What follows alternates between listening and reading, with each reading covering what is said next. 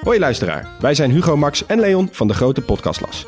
Wij zijn drie geografen en elke week behandelen wij een ander land. We bespreken onder andere de geschiedenis, politiek, natuur, maar ook de sport, de muziek en natuurlijk het eten. De nijlpaarden van Pablo Escobar, de vele bunkers van Albanië en het verschil tussen een sheik en een emir zijn zomaar wat voorbeelden die langskomen. Maar we bespreken ook de geopolitieke invloed van China in Afrika en de impact van het Europese kolonialisme. Luister dus wekelijks naar de audioversie van de Atlas, de grote podcastlas. Hi, Arie hier. Even voordat we beginnen wil ik je graag wijzen op mijn nieuwe boek Trainen voor het leven. Krachttraining verbetert de kwaliteit van leven. Dat is de kern van het boek. Wanneer we ouder worden, verliezen we spierkracht. Opstaan vanaf de bank, iets boven ons hoofd wegleggen, veters strikken, evenwicht bewaren, twee zware boodschappentassen tillen of een klein kind optillen. Het wordt allemaal wat moeilijker wanneer je op leeftijd raakt. Maar die alledaagse dingen, die kun je trainen. Je kunt er op elke leeftijd nog beter in worden. In dit boek deel ik de oefeningen die ik gebruik als ik mijn ouders van 80 train, steeds vanuit een praktische benadering. Wat wil je nog kunnen als je ouder wordt? Welke bewegingen heb je nodig om goed te blijven functioneren en hoe kunnen we daarvoor trainen? Een boek voor je ouders dus. Kortie Media. Dit is een serie over voeding en Ari's gast vandaag is darmspecialist Nienke Gottenbos. Vorig seizoen vertelde ze al mooi over de spijsvertering. En vandaag vertelt ze je wat je moet eten om je darmen blij te houden.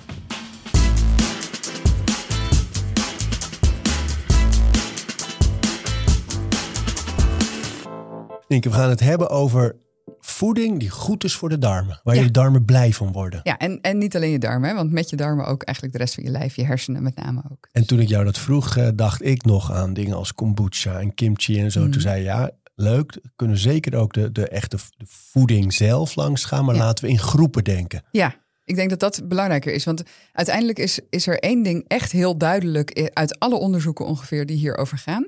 En dat is dat variatie het belangrijkste is. Dus je- er is niet één wondermiddel wat voor iedereen goed is. Er is ook niet één dieet wat voor iedereen goed is. Er zijn zelfs hele gezonde voedingsmiddelen die dan net voor Jantje of Pietje of hè, net weer niet zo gezond zijn. Eh, dus laten we inderdaad denken in groepen en zorg dat je al die groepen in je dieet hebt zitten. En die groepen zijn? Die groep zijn vezels, twee verschillende soorten daarvan. Eh, gefermenteerde voeding is heel belangrijk, of contact met levende bacteriën. Antioxidanten is ook een interessante groep. Eh, en ja, en dan heb je nog een beetje een restgroepje van eh, hoe zit het met vlees, met eiwitten, met eh, Overig. overig, ja.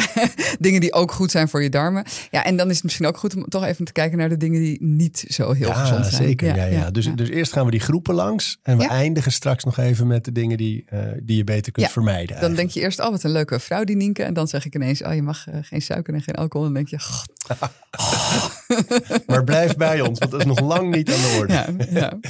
Eh, met welke groep beginnen we? Laten we beginnen met vezels. Dat is, dat is toch wel nummer één voor de darmen. Eh, dat, nou ja, ook, dat komt uit ieder onderzoek eigenlijk weer terug. Hè, vezels, mensen die meer vezels eten, ehm, eh, hebben gezondere darmen. Ehm, en we weten dat onze voorouders eh, ongeveer 120 gram vezels op een dag aten. Ehm, omdat ze allemaal heel, hele vieze dingen aten, zoals brandneteltakjes en dat soort dingen die wij niet meer willen eten. Maar onze aanbevolen dagelijkse hoeveelheid is 45 gram. En we komen vaak maar aan 15. Wow. Dus weet je, ehm, eh, dat is best wel een intens ehm, verschil wat je daar hebt. En we weten ook dat als je, eh, daar hebben we het volgens mij vorige keer ook over gehad, als je ongeveer zo 400 gram op een dag poept, dat je, eh, je kans op darmkanker echt nagenoeg niet heel is. Maar er zijn mensen die, als je het op de weegschaal zou leggen, maar misschien maar 90 gram. Er zijn ook heel veel mensen die niet eens elke dag kunnen poepen. En dat heeft met die vezels te maken. Heeft onder andere te maken met die vezels. Die vezels die houden vocht vast. En vocht heeft natuurlijk ook een gewicht. Hè? En dan blijft die ontlasting soepel. Eh, vezels zorgen er ook voor dat je op tijd naar de wc kunt. Eh, dus laten we eerst in de vezels duiken. Want ja, dat is denk er ik zijn het twee groepen, hè? Ja, twee soorten. Twee soorten vezels. Ja, nou, er zijn heel veel soorten vezels, maar twee onderverdelingen die handig zijn om een beetje te snappen. En eh, dat zijn de oplosbare en de onoplosbare vezels. Nou, de- om met die laatste te beginnen, de onoplosbare vezels, dat is eigenlijk, ehm, dat zorgt voor vol- volume in je darm. En dus ik zeg met een ezelsbruggetje altijd, alles waar je op moet kauwen. Dus eigenlijk alle groenten. Dit zijn ook de vezels waarvan je moeder vroeger zei: je moet wel volkorenbrood eten in plaats van wit, hè, want daar zitten meer vezels in. Nou, die, over die vezels hebben we het. Alleen ik vind zelf volkoren brood dan weer niet zo'n interessante bron, omdat eh, we A, veel te veel tarwe eten, denk ik, in Nederland op een dag. Eh, en B, eh, daar zitten ook gluten in. En gluten zijn niet voor iedereen een probleem, maar wel voor best wel een groot deel van de mensen. Best veel mensen, hè? Ja. Best veel mensen, wij noemen het een usual suspect. Dus als iemand last heeft van zijn darmen, dan zijn onder andere gluten een van de eerste dingen waar we naar gaan kijken of dat misschien een oorzaak is. Dus ik, ik, ben, ik eet zelf geen gluten, ehm, eh, geen brood. Eh, of ja, wel eens brood, maar dan bijvoorbeeld van dat eh, jam, deze mevrouw, weet je wel, een glutenvrij brood. Maar nu we daar toch zitten, hè, die, wat is een gluut? Wat is een eigenlijk? glut? Ja, een glut, een gluten, dat zijn ehm, eh, eiwit, eiwitten eigenlijk in, in bepaalde granen. Met name tarwe, spelt, ehm, rogge, eh, giers. Nee, sorry, gerst. Ik vergis me altijd. Gerst zit, zit het in. Ehm, en dat het gluten, het woord komt van het Latijnse woord voor lijm. Dus het is een soort lijmstof. En daarom zijn we er ook zo dol op, omdat het eh, door die lijmfunctie, die plakfunctie, zorgt het ervoor dat er heel veel lucht in dat brood kan komen, waardoor het lekker luchtig wordt en knapperig en ook en niet zo kruimelt. Als je ziet een glutenvrij eh, eh, koekje of zo tegenover een gewoon koekje, dan kruimelt dat heel erg, omdat die lijmstof er niet in zit. Alleen op het moment dat je dat niet goed kunt verteren, dat jouw spijsvertering er niet goed opgericht is om die lijmstof af, die eiwitten af te breken, dan blijven ze vaak nog tot in de wc-pot die, die plakfunctie zeg maar, behouden, waardoor je altijd met de wc-borstel in de weer moet. En mensen rapporteren ook vaak dat ze daar bijvoorbeeld ehm, opgeblazen gevoel van krijgen of winderigheid. Uh, je ziet heel veel verstopping met inderdaad echt plakkerige ontlasting. Dus ofwel in de wc-pot of je moet zelf heel veel vegen, zeg maar, om, uh, om schoon te worden. Uh, maar ik ken ook mensen die zeggen, nou, ik heb juist altijd diarree en ik krijg bijvoorbeeld puistjes als ik gluten eet. En dat, dat valt allemaal nog binnen eigenlijk de glutensensitiviteit. Dus niet zozeer de hele ernstige vorm celiakie, hè, waar, waar echt een aantal Officiële. mensen... Ja, waar ongeveer 1% van de mensen schijnt er last van te hebben. Uh, en dat moet je heel uh, laten vaststellen door het ziekenhuis. En dan moet je echt met elk kruimeltje oppassen. Maar er zijn een heleboel mensen die meer glutensensitief zijn. Dus die kunnen er gewoon niet zo goed tegen. Gaan misschien niet gelijk kapot als ze een keer een koekje of een kruimeltje of iets binnenkrijgen. Uh, maar dat is bijvoorbeeld wat ik zelf ook heb. Hè. Je kunt dat ook gewoon meten. Dus ik had, ik had best wel goede resultaten waarvan je eigenlijk zou zeggen, nou, zo erg is het niet om een keer wat te eten. Dus ik smokkelde best veel. Toen ging ik het nog een keer meten. Toen dacht ik, oh, nu, nu ziet het er toch niet zo goed meer uit. En ik merk vooral uh, ja, dat ik inderdaad een opgeblazen buik krijg en ik kan drie dagen niet naar de wc. Dus jij vroeg, jij vroeg net aan mij, wil je een taartje? En toen zei ik, nee, ik heb het er toch niet voor over. Nee, meestal Nu heb ik dat taartje gegeten. Ja, nu nog. heb jij het gegeten. Gelukkig maar dat jij ook taart eet. Dus dat, dat zijn gluten. En um, uh, ja, ik ben niet per se van de school die zegt, nou, gluten is altijd voor iedereen slecht. Maar wel dus voor een heel aantal mensen die daar niet goed op reageren. Een van de eerste dingen die je volgens mij gewoon heel goed veilig kunt uit, want je mist niks als je geen gluten eet. Behalve croissantjes, maar voor de rest is er niks voedingskundig waardoor je dat niet zou moeten eten. Uh, of waardoor je dat per se wel zou moeten eten. Um, alleen even op je jodium letten, want dat zit vaak in brood toegevoegd. En, uh, en als je dat geen brood meer eet, dan wordt het uh, ingewikkeld. Is er helemaal geen brood wat laag in gluten of zelfs zonder gluten is? Ja, jawel, je hebt natuurlijk je hebt tegenwoordig ook steeds meer glutenvrij brood. Maar dan is het heel erg zoeken naar. Ja, dan wordt het vaak, net zoals met vleesvervangers, die worden vaak heel erg vol met ja, ja, toevoegingen en heel bewerkt. bewerkt ja, ja, om het dan maar daar zo, daarop te laten lijken. Dus eigenlijk een van de dingen die ik wel heel goed vind, is dat Jan Dezenbrood hè, van Ralf Moorman. Dat is een fijne.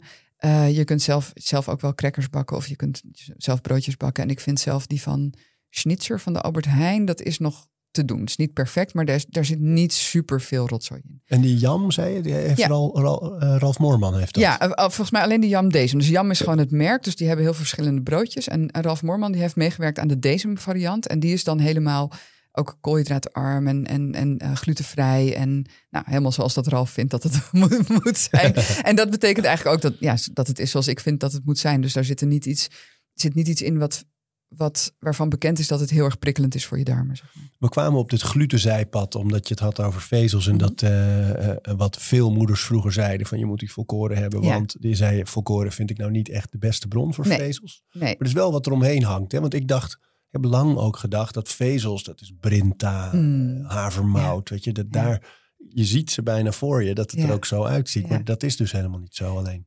Nee het, het- er zitten wel vezels in. En het zijn wel dit soort vezels waar het over gaat. Ik zal straks vertellen wat voor vezels dat dan waren. Ja, ja, Wat ja. precies het punt daarmee. Maar, ehm, maar ik denk dat er veel gezondere bronnen zijn van dit soort vezels. En ik denk dat zelfs als je wel goed tegen gluten kunt, dan nog is de manier waarop wij omgaan met eh, tarwe eten in, in deze maatschappij.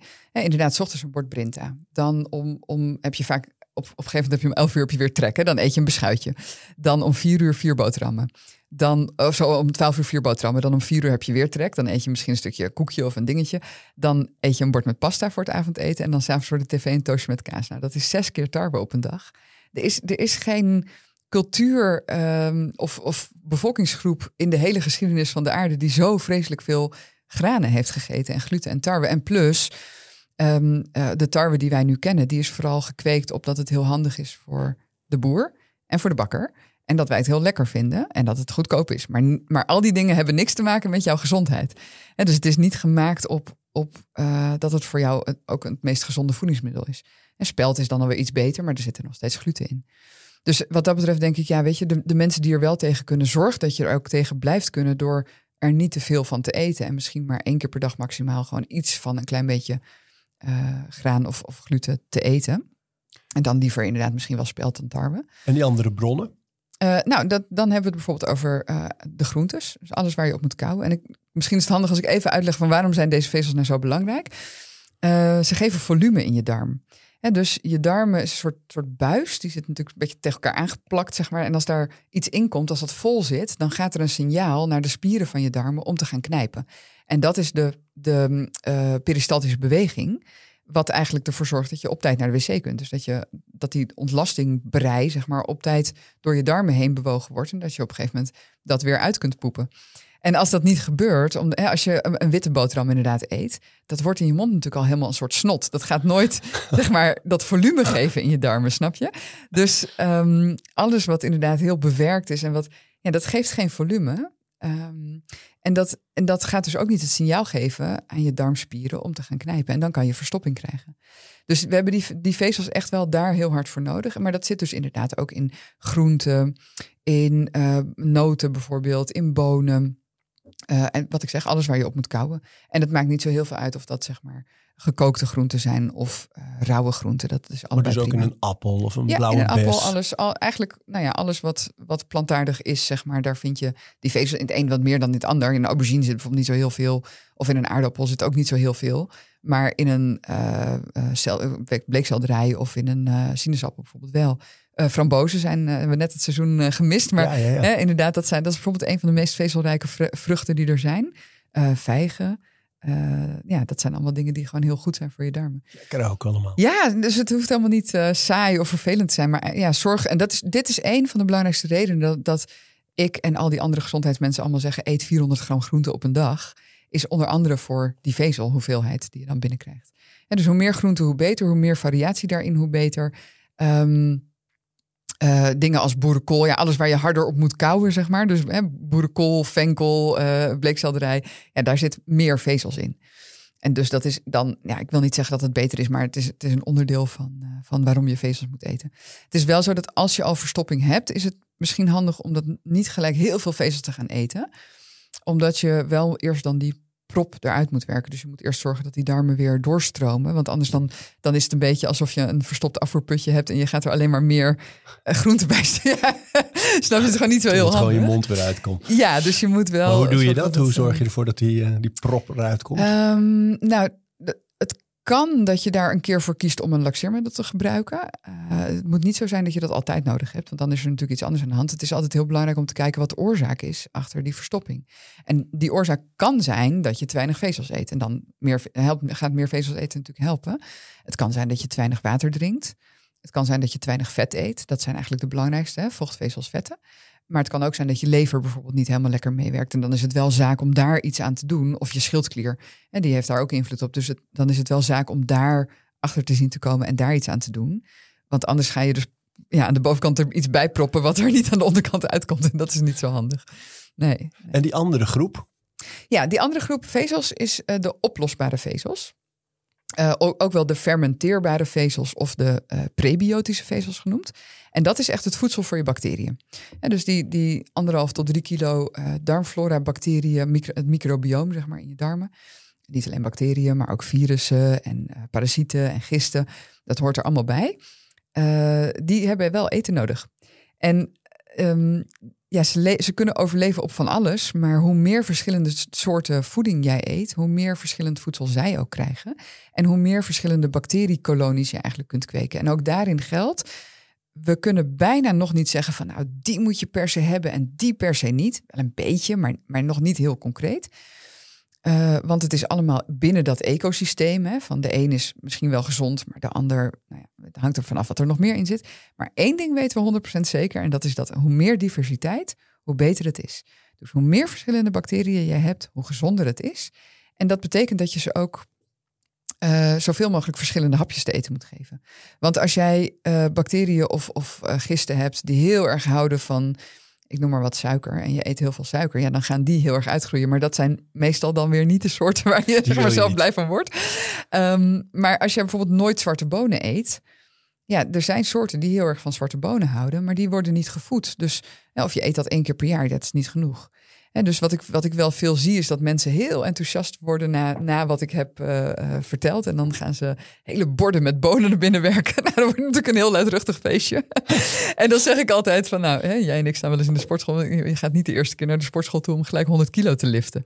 Dat is natuurlijk niet handig. En dus uh, je moet dat langzaam aan opbouwen. Dus begin met een klein beetje, maar eet het wel vaker. Dus minder in volume, maar, maar vaker. Maar dat ze dus altijd roepen, je moet vers en gevarieerd eten, is dus niet alleen vanwege de, de andere voedingswaarden, maar misschien juist ook wel vanwege dat je verschillende soorten bacteriën allemaal binnen Ja, het is, het is vanwege alles. Maar weet je, als je echt gaat kijken naar uh, hoe voeding en gezondheid en het menselijk lichaam in elkaar zit, dan is het eigenlijk super logisch. Dus ja, weet je, net zoals meer rust nemen. Ja, dat is niet alleen maar goed omdat je dan uh, een helderder hoofd krijgt. Of minder hart- en vaatziekten of minder stress hebt. Maar dat, dat is voor het hele geheel is dat goed. En dat is met dit natuurlijk ook. Ja, het zijn allemaal dingen waarvan ik denk, ja, um, het zou, ik denk dat iedereen heel raar op zou kijken als wij zouden zeggen, nou, er zijn nu onderzoeken geweest en McDonald's blijkt echt het gezondste wat er is.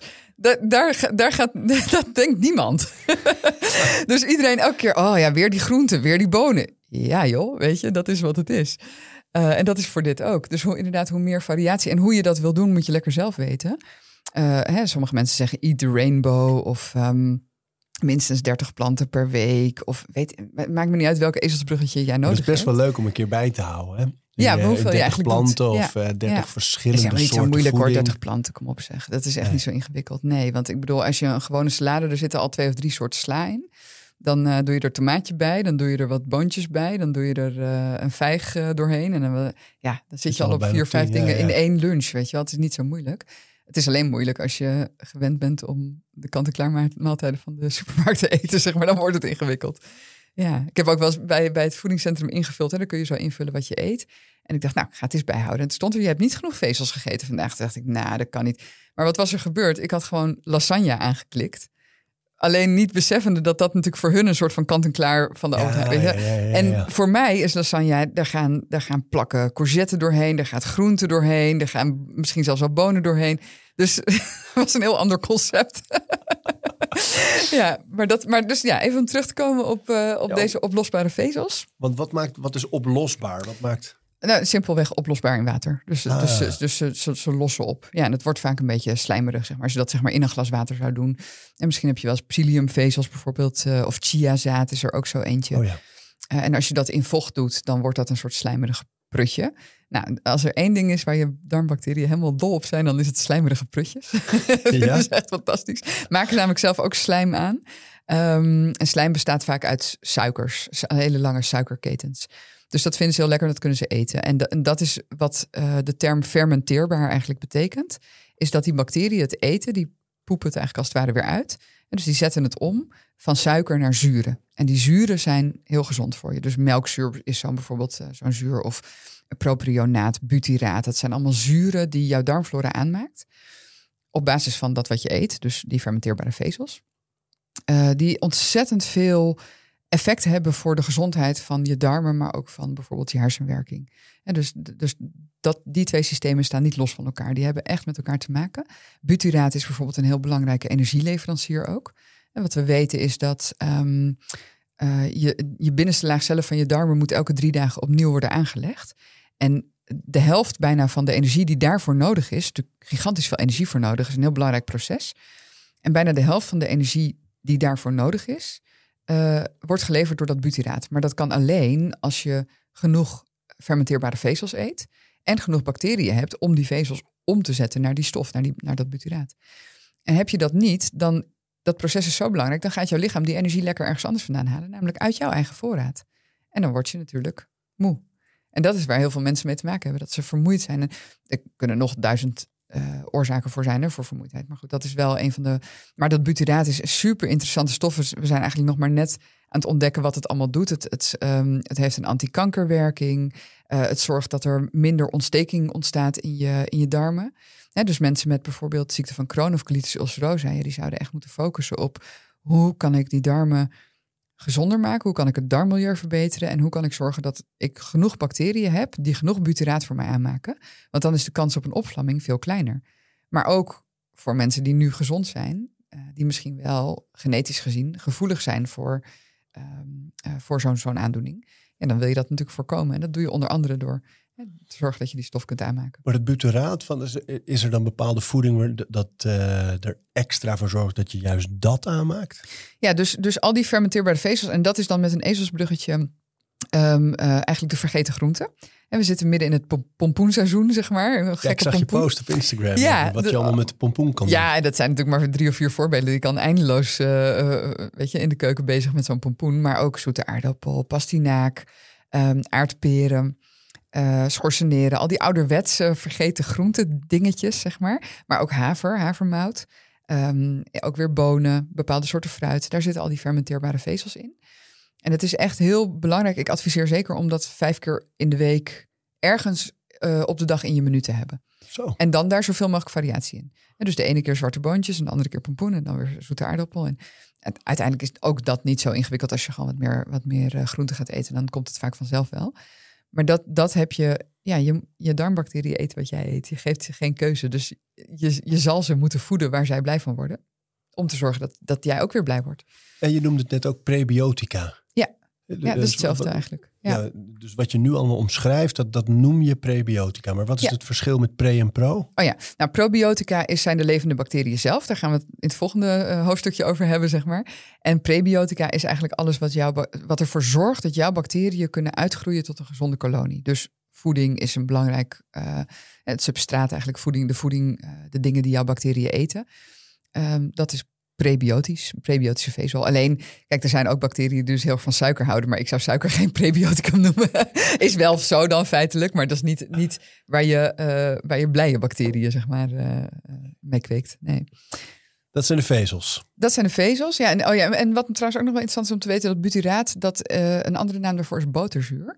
Dus ook roomboter bijvoorbeeld daar, kan, daar, kan, daar zit butyraat in. Dus het is ook een goede bron. En margarine niet waarschijnlijk? Uh, nee, margarine niet. Dus maar ghee bijvoorbeeld weer wel. Ja, roomboter, ghee. Ghee, roomboter. Ja. Zijn er nog meer in die um, hoek?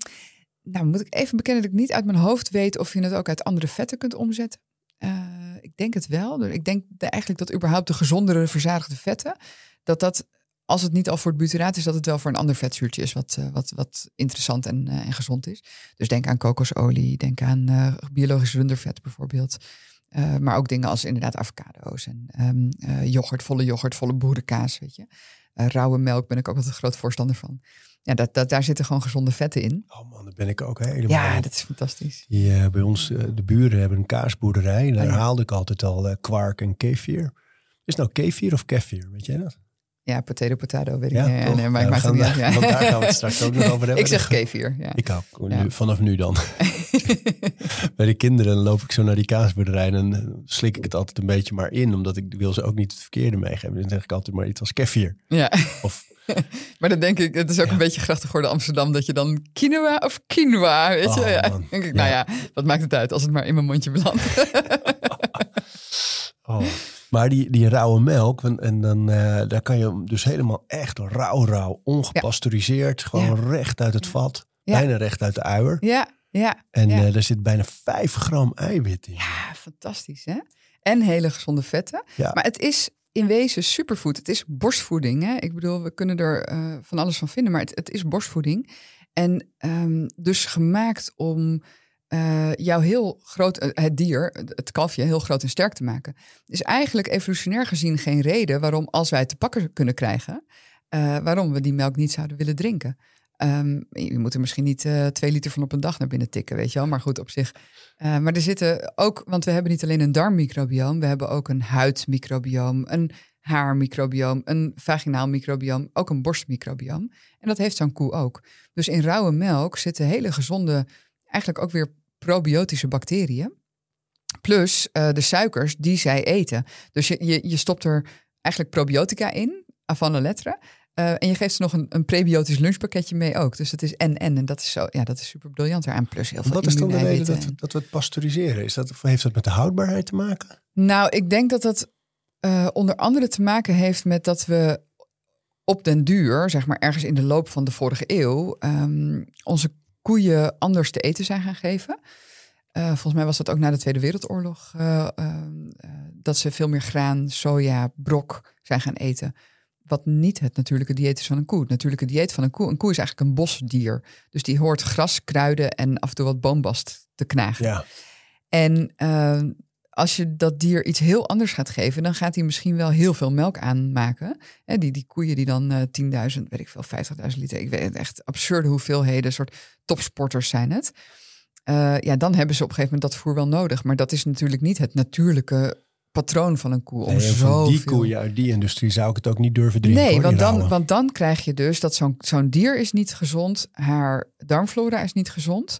Uh, die koeien hebben vaak ook standaard diarree. Nou, dat is dan wel lekker makkelijk, want ze staan op van die roosters. Dus dat druppelt er lekker makkelijk Oh. doorheen. Ja, het is echt, ja, het is, het is heel schrijnend. Ik ben ook echt wel voorstander van traditioneel dierlijk voedsel eten, maar absoluut niet voorstander van de bio-industrie. Um, hoewel ik ook echt heus geloof dat de individuele boeren daar heel veel hart hebben voor hun, voor hun dieren. Maar het hele concept is zo uit zijn verband getrokken. Het is zo niet gezond meer voor het dier niet. En dan krijg je excessen zoals inderdaad E. coli-bacteriën en uh, uh, listeria-bacteriën die in die melk zitten. En, en pus wat, wat vanuit de uier uh, erin komt. Of antibiotica gebruik. Of allemaal drama en ellende. Ja, nee, ik vind... Um, het... Wat je wil voorkomen. Dus als een dier kan leven zoals het natuurlijk geleefd heeft... en je, je tapt wat extra melk af voor de mens... naast wat het kalfje drinkt, zeg maar... dan denk ik, ja, de, dat is super gezond en helemaal niks mis mee. En, en, en iets heel anders dan melk uit de supermarkt. En die dus gepasteuriseerd is om, om te voorkomen dat we dan die listeria, dat we er ziek van worden.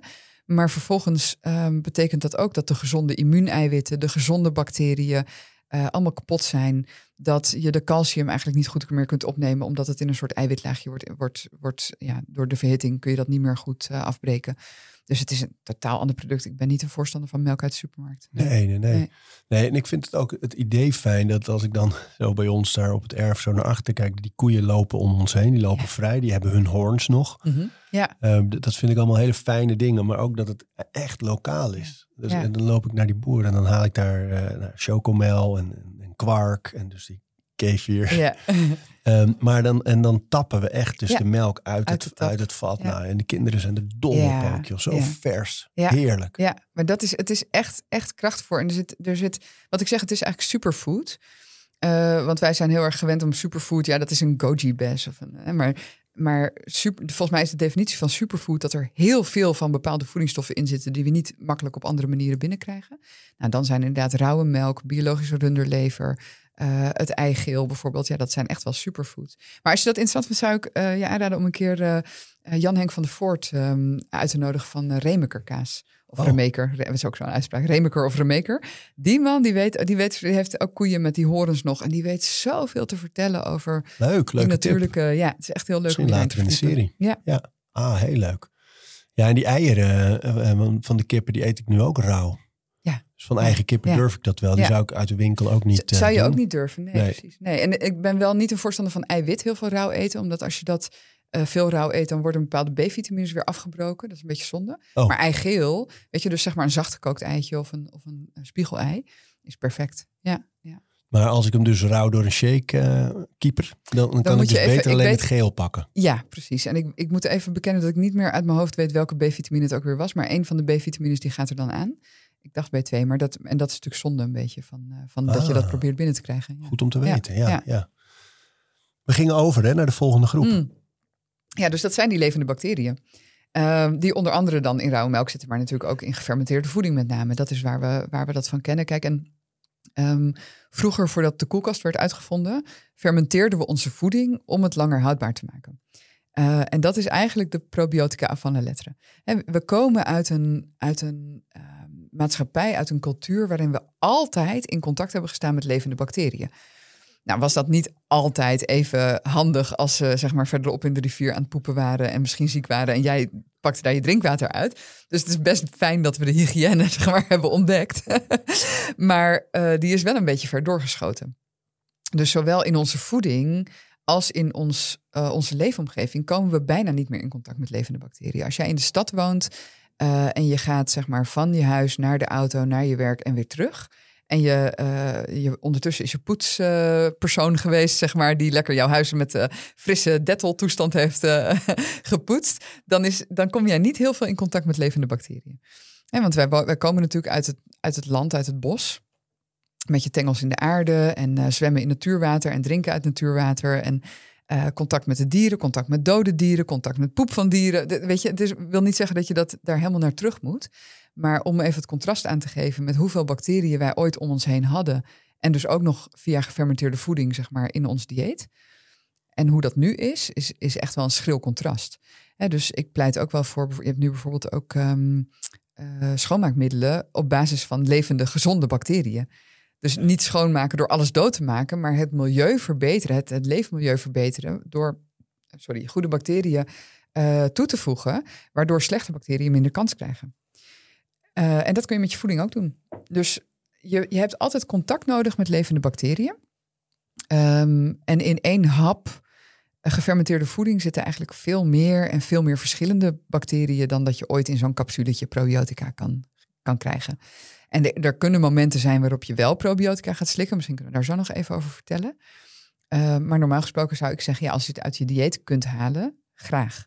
En dat, dat, datzelfde geldt voor bijvoorbeeld vitamines. Dus als jij gewoon je groente eet, heb je geen multivitamine nodig. Hè? Of, je, of je, uh, je, geen vitamine C extra nodig. Doe je dat niet, ja, dan heb je nog steeds die vitamines nodig. En dan is misschien een keer een capsuletje wel een goed idee. Maar uiteindelijk moet je voeding altijd de basis zijn. Ja, de basis van alles zijn niet voor niks supplementen. Precies, extra's. Ja, ja, ja. precies. Maar ik, ik, merk wel zelf dat alles wat ik lees over de, de grondkwaliteit mm. en zo, dat ik ook ja. wel denk van ja, zelfs als je veel groente eet en veel fruit, loop je toch nog wel de kans dat het ook weer niet ja. genoeg niet bevat. Genoeg. Ja, soms. Ik, ik denk wel dat daar nog een soort van, je hebt zeg maar goed genoeg en perfect. Ja. dus als je echt toe kunt naar die 400 gram groente op een dag plus regelmatig noten en zaden en, en wat fruit. En, en vlees, maar daar gaan we het zo nog over hebben. Um, dat je dan eigenlijk al een heel eind in de goede richting zit. En dan kan je best zeggen van, hé, hey, als je verbruik hoger is, bijvoorbeeld omdat je veel stress hebt, of omdat je net ziek bent geweest, of nou, noem maar op, hè, dat, of omdat je een chronische aandoening hebt, dan kun je wel zeggen, nou, dan is het zinvol om erbij te gaan slikken. Maar voor heel veel mensen is dat erbij slikken eigenlijk voornamelijk omdat ze gewoon niet aan die hoeveelheden komen. En het niet weten. En het niet weten. En ook, ja, weet je, ik eet ook bijvoorbeeld, ik eet gewoon niet zoveel vis. Ik vind het niet super lekker. Ik vind het ook best wel ingewikkeld om dan precies elke keer dat te halen wat dan en, en niet uh, vervuild is. En ook nog een beetje vriendelijk voor de aarde. En ja, maar ik heb wel die vetzuren nodig. Dus dan neem ik een visolie. Ja, ja, ja. Weet je? Ja. Dus zo, zo zit dat. En zo zit het met, met probiotica eigenlijk ook. Um, als je gefermenteerde voeding eet en je hebt dat echt een aantal keer per week in je dieet. En ook daarbij geldt weer afwisseling is belangrijk en dus om voorbeelden te noemen van gefermenteerde voeding, uh, rauwe zuurkool bijvoorbeeld, uh, kimchi. Heel fijn. Oh, Zeker als je in de stad woont, is dat best wel goed, uh, goed te krijgen. Verse dan, hè? Want het is wel belangrijk. Kijk, zodra het in een, een zakje of een blikje zit en er staat een houdbaarheidsdatum voor over een jaar op, dan zit daar geen levende bacterie meer in. Um, maar je, je en dat is bij zuurkool trouwens vaak zo. Hè? Ja, Daar moet je goed je, opletten. Precies, moet je goed opletten uh, waar, je het, waar je het vandaan haalt. Zeg maar. Dus echt de rauwe zuurkool. Het, ja, bij voorkeur natuurlijk nog um, zelf gemaakt. Of bijvoorbeeld, je hebt, um, uh, even denken, hoe heet ze? Sauerkraut is, is zo'n merk. En je hebt in België heb je nog, oh, ik weet wel hoe ze op Insta heet, Kleeman. Maar ik weet even niet meer hoe het merk heet. Nou, je hebt een aantal verschillende merken die dat echt maken. Die sturen jou dan gewoon een potje op per post. Moet je ook in de koelkast bewaren. Super lekker. Uh, als je niet helemaal ja, in staat bent of je denkt, ik weet niet hoe dat moet met dat zelf maken, ik vind het gedoe. Ja, dan kun je dat bestellen en dan, dan krijg je het gewoon op. Weet jij het hoe je het maakt als je het zelf wil doen? Ja, het is niet zo ingewikkeld hoor. Het, het, het principe is eigenlijk altijd schoon werken, dan uh, die, die groenten heel fijn snijden. En dan doe je er zout overheen uh, en dan moet het onder vocht staan. Dus ofwel het staat, door dat zout laat het zijn eigen vocht los. Uh, en daar komt het dan onder te staan. Ofwel, je moet een beetje water toevoegen en dan nog iets meer zout. En door dat hele zoute milieu krijgen eigenlijk ziekteverwekkers geen kans. Dus schimmels en, en, en slechte bacteriën. Uh, maar ontstaat er wel een melkzuurbacteriecultuur. Dus bacteriën zoals lactobacillus of bifidobacterium die dat omzetten. Maar stel dat ik een jampot heb, Mhm. en dan doe ik daar gewoon kool in. Mhm. Gewoon normale kool. Die ik Ja, gewoon- eh, witte kool, rode kool, maar bijvoorbeeld worteltjes kunnen ook. ehm, eh, uien kunnen, heel veel, heel veel groenten kunnen. Ehm, je kan broccoli gebruiken, bloemkool. water eroverheen, dat het helemaal onder Water met is. zout eroverheen, dat het helemaal Flink onder zout? staat. Ja, best wel veel zout. Ik, kan het niet uit mijn hoofd. Het hangt een beetje van af of je er wel of niet water aan toevoegt. Eh, in mijn boek staat het, eh, staat het recept. En, ehm, eh, en dan doe je er iets bovenop, zodat het onder water blijft. Want als het zodra het boven water uitkomt, gaat het schimmelen op den duur. Dus je doet er iets op, zodat het onder water blijft. En dan laat je het gewoon een aantal weken staan. En dan op een gegeven moment dan wordt het, moet het fris zuur smaken. En heel veel mensen zeggen, oh, maar dat vind ik eng. En wat nou als? Ja, als het niet goed meer is, dan ruik je dat. Dan wil je dat Ja, niet eten. Dus dat is Ja. echt niet, eh, daar hoef je niet bang voor te zijn. Alhoewel, ik ben nogal van de kimchi en ik heb een heel lekker adresje in Amsterdam bij Bataat. Oh. Een eh, restaurantje in de Eerste Oosterpark Dwarsstraat, geloof ik. Tweede, nou ja, in Oost van Amsterdam. Ehm, en die maken het ook vers, maar als ik dat eet, joh, daar zit veel knoflook Ja, het is in. heel heftig. In, die- ja, in Korea hebben ze speciale, ja, ze hebben een speciale kimchi koelkast. Hè? Aparte koelkast mag niet in oma's koelkast. Oh man, Maar het is zo goed. Lekker, je- ja. daar, dat vind ik nou een product waar je proeft Ja. dat je iets goeds aan het doen bent. Ja. ja, en bijvoorbeeld sauerkraut heeft dan zo'n kimchi die wat, wat minder heftig is. Dus dat is iets meer een instapmodelletje, zeg maar. Waar wel gewoon de bacteriën nog in zitten. Sauerkraut gewoon op zijn Duits, zuurkool. Ja, eh, zou, dus het Duitse sour en dan kraut is van eh, groep, zeg maar. Ah, dus kraut. kraut. Ah. Ja, sauerkraut. Volgens mij liggen zij bij de een of andere natuurwinkel, Ecoplaza of zo. Maar vast Ja. ook online. Waarschijnlijk, ja. ja. Leuk, ja, leuk. Ja, ja. Eh, je noemde kimchi, je noemde zuurkool. Ja, maar ook dingen als eh, kombucha, dat is gefermenteerde thee. Ehm, daar, daar zit, als je dat ziet, dan denk je echt, wat, wat is dit voor alien? Maar dat is, dan ligt er een soort van zwam, zeg maar, bovenop. En, eh, en daar moet je dan, die moet je dan thee en suiker voeren. En die gaat daar dan mee aan de slag. Ehm eh, kefir, eh, dus inderdaad waterkefir of melkkefir heb je. Dat, zijn, dat ziet eruit als een soort van bloemkoolroosjes. En dat worden er steeds meer. Dus er zijn op een gegeven moment, weet je nog van vroeger op de basisschool, dat vriendschapsbrood Herman, wat je dan kon doorgeven. Nee, wat is dat? Ja, dan, kon je, dan moest je een deel moest je bakken. Dat werd dan brood. En een ander deel moest je voeden met nog meer. Het was gewoon een zuurdesembroodje. En dan kon je dat weer doorgeven. Nou, dat is met die kefir ook. Eh, dat, die bloemkooltjes, die, die groeien. Want dat, zijn, dat heet een SCOBY. Dus een, moet ik het goed zeggen hoor. Een ehm, eh, synergistic culture of bacteria and yeast. Dus een cultuur van bacteriën en gist die elkaar versterken. En die, ehm, eh, dat groeit, want je geeft het te eten en dus dat groeit. Dus op een gegeven moment, als je dat eenmaal hebt, dan ga je aan al je vrienden ga je die SCOBY uitdelen. Die kunnen dan ook allemaal kefir maken. Alleen je moet dat wel echt blijven doen. Dus als je dat niet elke dag doet, op een gegeven moment dan is het dan, ja, als je het niet meer te eten geeft, moet je met je goudvis ook niet doen. Dan ligt je ondersteboven in de kom. En dat is met dit ook. Dus je moet het wel blijven doen. Eh, maar waterkefir en melkkefir zijn dus twee gefermenteerde producten. Ehm yoghurt ook. Alleen dan is geldt ook weer dat als je dat in de winkel koopt, dat het bijna altijd niet zoveel bacteriën meer bevat. En eh, met kefir, want dat zie je tegenwoordig ook echt heel veel in supermarkten en andere winkels. Ehm, is het daar net als met zuurkool dat, dat er een commercieel product is wat misschien niet helemaal effectief is? Ja, dat, dat, is, dat vind ik zelf een hele lastige. Want ik denk dat ehm, er- het staat er wel op. Van met gefermenteerde, hè, met levende bacteriën. In principe zou het zo moeten zijn dat stel je voor dat je daar een pak van koopt en je laat een derde zeg maar achter in dat pak en je giet er verse melk bij, dat het dan, als het dan doorgaat met fermenteren en het wordt ook weer nieuwe kefir, dan, dan is het goed. Dan zitten er inderdaad levende bacteriën in. Eh, we weten wel dat om het stabiel te houden, onder alle weersomstandigheden, ehm, mag het niet te vol zitten met bacteriën, want die gaan echt. eh, Als het zomer is, dan holla die weet je. wel. Kun je dat, dan is het een dag goed en dan slaat het om. Dat is natuurlijk voor een fabrikant niet handig. Dus het is best wel de vraag van in hoeverre is het, zit er nou echt nog heel veel bacteriën in? En dat geldt ook een beetje voor die kombucha, weet je wel. Als het, nogmaals, als het in een blikje zit en het is houdbaar tot volgend jaar maart, dan, dan kan, er, kan het eigenlijk niet dat er levende bacteriën in zitten. Als het in het versvak staat, dan zou het kunnen van wel. Ook weer als het heel zoet smaakt, dan heb je best kans, maar dat kun je gewoon op de ingrediëntenlijst lezen. Eh, hoeveel suiker zit daar nog in? Want die suikers moeten omgezet worden naar zuren. Maar ja, dan wordt het dus wel zuur. Dus als het nog heel zoet is, ja, ben je dan niet stiekem gewoon verkapte cola aan het drinken, zeg maar. Dus het is best wel even opletten. Eh, er zijn ook merken zoals bijvoorbeeld Rauw Power. Gemaakt, maakt dan kefir van rauwe melk. ja, daarvan, en yoghurt van rauwe melk, daarvan weet ik wel zeker dat er heel veel bacteriën in zitten. En het allerleukste is natuurlijk als je iemand hebt die het zelf kan. Dus een Ja. yoghurtmaker. Of, Oh, bij ons in de Ja. gym is eh Desiree. Staat achter de balie eh, op een van onze locaties. En die maakt het ook zelf. Organiseert af en toe ook een proeverijtje in de Ja, gym voor mensen ja. om het zelf... Ja. eh, Ja. Die maakt inderdaad waterkefir en kombucha. Ja. Ja. Nou ja, kijk, en, en de winter komt er weer aan. En dan, dan gaan we toch wat meer huiselijk eh, zitten knutselen, zeg maar. En dan denk ik, ja, doe een leuk cursusje fermenteren. Weet je, het is helemaal niet zo heel moeilijk. Je moet even over je, je eerste schroom heen. Eh, en voor sommige dingen heb je wat nodig aan, aan equipment. Maar dat valt eigenlijk altijd wel reuze mee. En als je het eenmaal kan, ja, is een skill for life. Ja. En die gefermenteerde producten die we dan nu noemen. Hè, dus de, de kefir, kimchi, zuurkool, ehm, kombucha, die hoek. Mhm. Hoe vaak in de week zou je dat moeten eten optimaal Ja, dat vind ik lastig om daar een, echt een cijfer op te plakken. Ik denk dat we dat vroeger natuurlijk soort van bijna continu in ons dieet hadden. Maar zeker wel een keer of drie, vier, vijf, weet je. En hoe, ja, hoe meer, hoe beter over het algemeen. En ook daarbij geldt weer niet gelijk beginnen met een liter eh, kombucha. Want je ontploft gewoon. En dus, dus doe het rustig aan, bouw het rustig op. En ehm, ja, stapje voor stapje. En klopt het dat je kombucha het best op nuchtere maag kunt drinken? Of is dat een bedachte...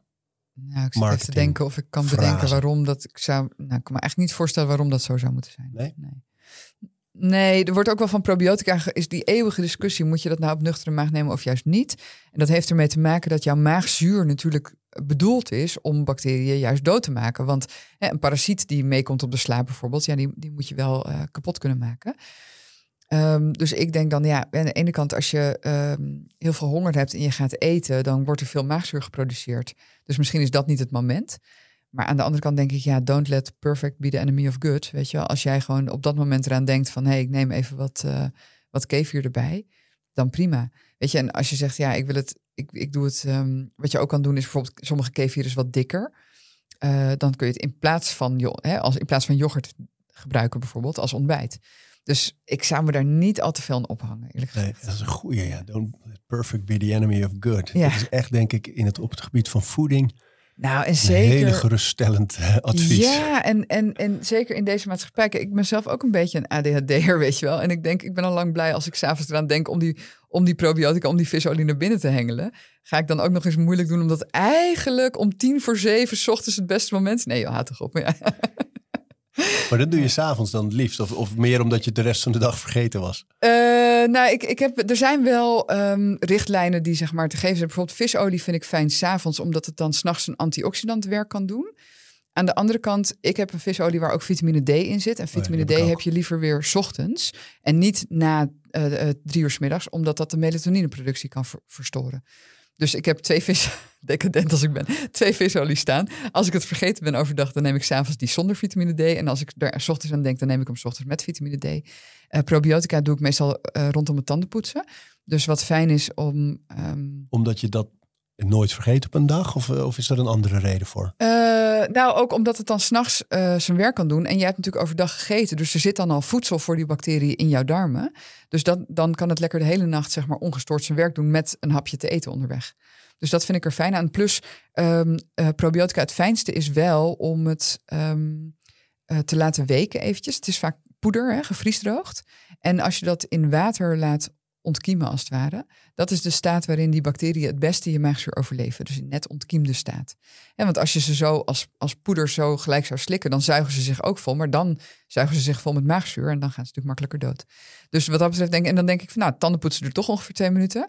Eh, eh, dus dan doe ik dat in een beetje water. Dan ga ik mijn tanden poetsen, make-upje eraf halen, weet ik veel. En dan, en dan drink ik dat op. Ja.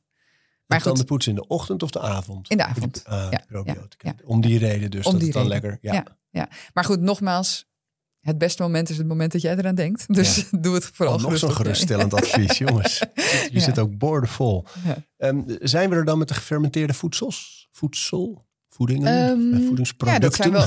Nou, dat zijn denk ik de belangrijkste. Maar er is nog wel een hele belangrijke die we echt niet mogen overslaan, denk, ik. En dat is modder. Als in niet om te eten. Ja, ja, ja, handen in de modder. Maar gewoon echt, word smerig. Ga zwemmen in natuurwater. Ga inderdaad eh, de mud run doen. Of eh, mod- modderdag heb je ook elk jaar rond juli ergens.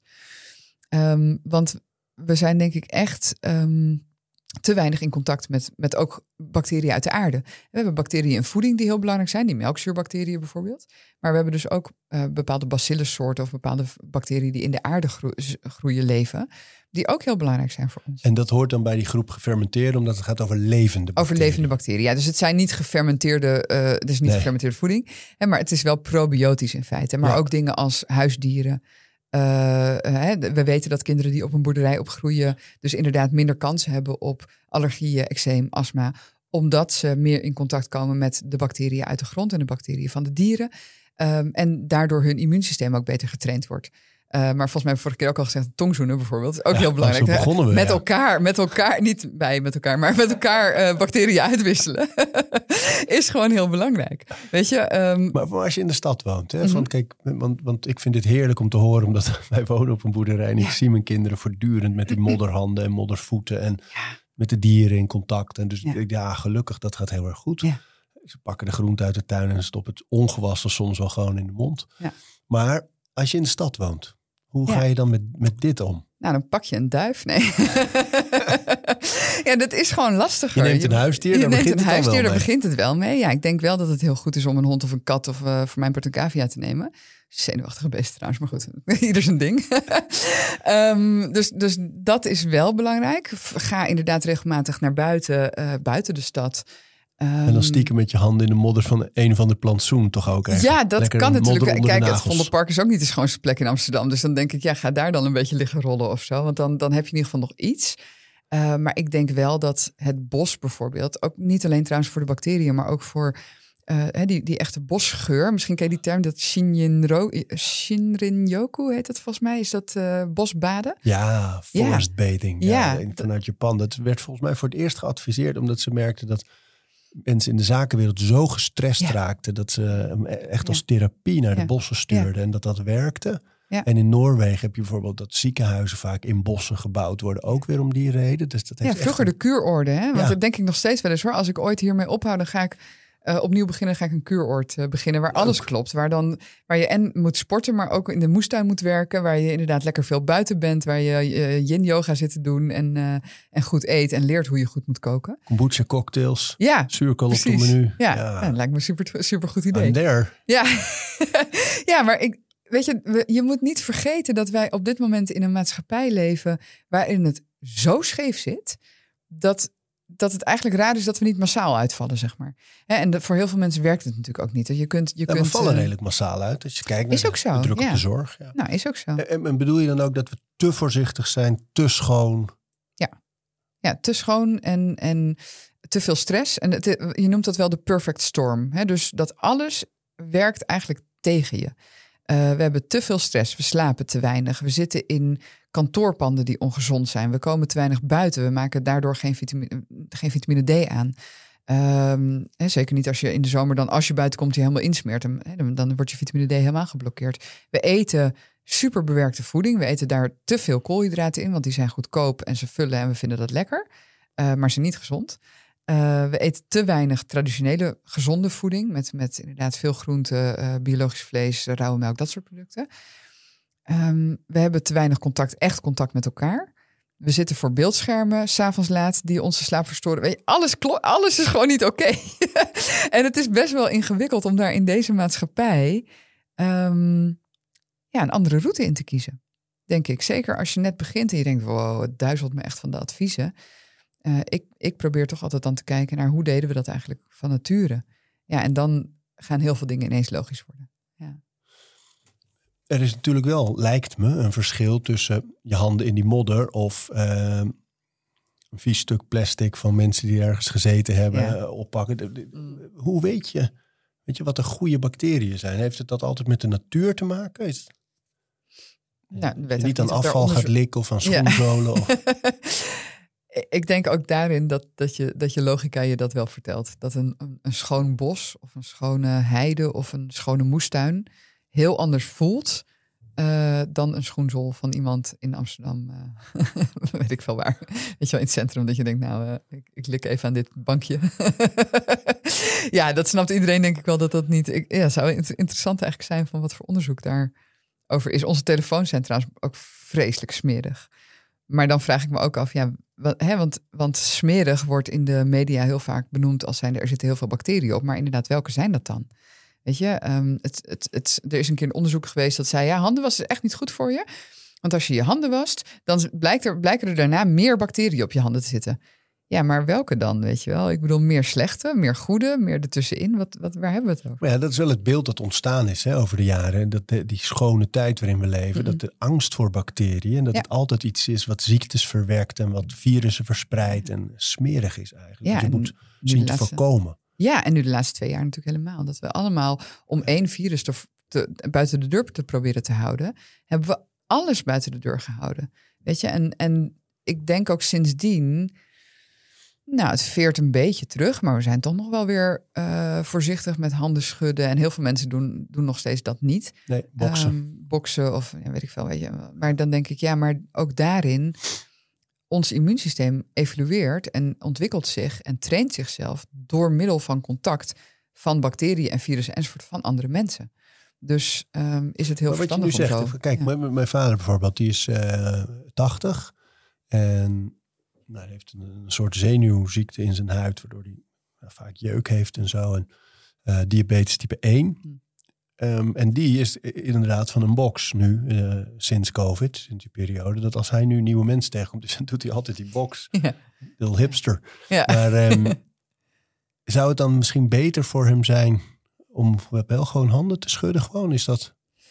Nou, dat is natuurlijk wel een heel specifiek geval. Als het gewoon pijn doet omdat je iets met je huid hebt. Oh dan- nee, maar dat heeft hij niet. Hij- is gewoon, hij is, eh, ja, mijn vader is niet bepaald bang aangelegd, maar hij is wel, het is eigenlijk meer om, de, om voorzichtig te zijn, geeft hij een box. En Ja. niet zozeer vanwege die huid eh, Nee, aandoening, maar echt eh, ja, COVID, virussen. Ik denk dat het heel goed zou zijn als hij een, een, een eh, vertrouwde omgeving heeft met mensen waar, die gezond zijn. Dus bijvoorbeeld bij jou thuis dan, hè, op de boerderij. Om daar lekker veel te zijn en dan wel met jullie te knuffelen. Maar inderdaad, kijk, die andere mensen kun je ook niet van uitgaan dat ze inderdaad maar gezond zijn. Dus wat dat betreft denk ik, ja, ik kan me wel voorstellen dat je daar een beetje voorzichtig in bent. Veilige werk. Ja, Als je al- hij gelukkig veel. En eh, Ja, de kinderen ook. Ja. We weten ook van mensen die antibiotica bijvoorbeeld moeten slikken. Eh, dat doodt natuurlijk niet alleen de slechte, maar ook de goede bacteriën. Maar op het moment dat je dan eh, terugkomt inderdaad in een soort Dettol-omgeving... dan duurt het heel lang voordat jouw eigen darmflora weer op orde is. Maar als jij terugkomt in je eigen gezin... is een hele belangrijke rekolonisatie manier, zeg maar. Dus door, door lekker met je eigen... En je wordt een soort bacteriekolonie met z'n allen. Ehm, en dan inderdaad niet alles eh super schoon de hele dag... maar gewoon lekker een beetje met z'n allen. Weet je, binnen, binnen de grenzen van de hygiëne. Hè? Als je naar de wc bent geweest, moet je gewoon je handen wassen klaar. Ja. Maar dus wel, dus stel eh, dat een kind iets heeft onder de leden heeft gehad en een eh, antibiotica heeft gekregen. Mhm. Dan is het dus goed om daarna gewoon lekker veel met elkaar te zijn. Ja. Lekker veel aan te raken. Ja, ja, En, en ja. moet je, dat hoor ik ook wel eens, dat als je zelf antibiotica hebt gehad, dat het goed is om daarna dan eh, die probiotica extra op te zoeken. Ja, er zijn best heel veel onderzoeken die laten zien dat ehm, eh, probiotica tijdens en na je antibiotica kuur dat het helpt om je darmflora weer eh, op orde te krijgen, terug op orde te krijgen. Eh, en nog belangrijker is eigenlijk die prebiotica. Dus dan geef je je eigen darmbacteriën weer te eten, zodat die weer. Want probiotica is nooit bedoeld, eh, zowel uit voeding niet als, eh, als uit een capsule niet, is nooit bedoeld om jouw darmflora aan te vullen. Die bacteriën uit zo'n pilletje, die blijven niet voor eeuwig bij jou. Je kunt je darmflora opbouwen in de eerste twee jaar van je leven. En dat is je patroon wat je hebt. En daarna kun je alleen nog maar variëren in hoeveel van de een en hoeveel van de ander. Maar je krijgt er eigenlijk niks meer bij wat dan voor altijd bij jou blijft wonen. Uh, wat de bedoeling is van probiotica en van gefermenteerde voeding, is dat het eigenlijk het milieu van jouw darmen gezond houdt. Zodat je um, eigen bacteriën weer kunnen uitgroeien tot een gezonde kolonie. En dat doen ze alleen als je ze te eten geeft met prebiotische vezels. En even nog, als ik het nu even goed begrijp, dan die prebiotica, dat zijn die vezels inderdaad, mm -hmm. in alles wat je koudt. Mm -hmm. Probiotica, die zitten dan in die gefermenteerde, dat zijn de levende bacteriën ja. vooral, toch? Ja. Ja, ja, dus, dus, dus de, de vezels, alles wat je koud is voor de peristaltiek. Ja. En, de, en de, de vergeten groente, dat is voor, om je bacteriën te eten te geven. Dat is de prebiotica. Ja. Dan heb ik hem goed. Ja. Ja, ja. ja en dan probiotica inderdaad, alle levende, levende bacteriën. Dus zowel in voeding als in je omgeving. Ja. Zo hé. Mooie samenvatting. Ja. ja, maar zijn we er dan met die, met die groep? Dat zijn we er volgens mij ongeveer wel met die groep. Ja, ik denk dat dat uh, nou, alweer best wel heel veel voer oplevert om, uh, ja. om over na te denken hoe ga ik dat in mijn leven inbouwen. Ja, en dan zijn er nog, um, dat noem je ook wel probiotica of symbiotica, maar dat vind ik altijd een beetje vergezocht. Ik denk ja, gewoon dingen die jouw darmen gezonder maken, zoals antioxidanten. En antioxidant is ook niet één groep van, dat zijn dan die voedingsmiddelen. Maar dat zijn ehm, stoffen die ontstekingen tegengaan, onder andere in je darmen. En dan kun je denken aan bijvoorbeeld visolie, omega-3 vetzuren. eh, maar ook aan ehm, noten, bessen, zaden. Paddenstoelen. Eh, paddenstoelen ja, hebben vaak ook een hele. Een, een, hebben, zijn eigenlijk dubbel. Die hebben en een antioxidantwerking en ook een prebiotische werking. Natuurlijk, het is natuurlijk Ja, ook gewoon een schimmel. En en, ja, Ja. precies. Ja, ja dus, eh, dus die zijn, ja, heel veel paddenstoelen zijn natuurlijk super gezond.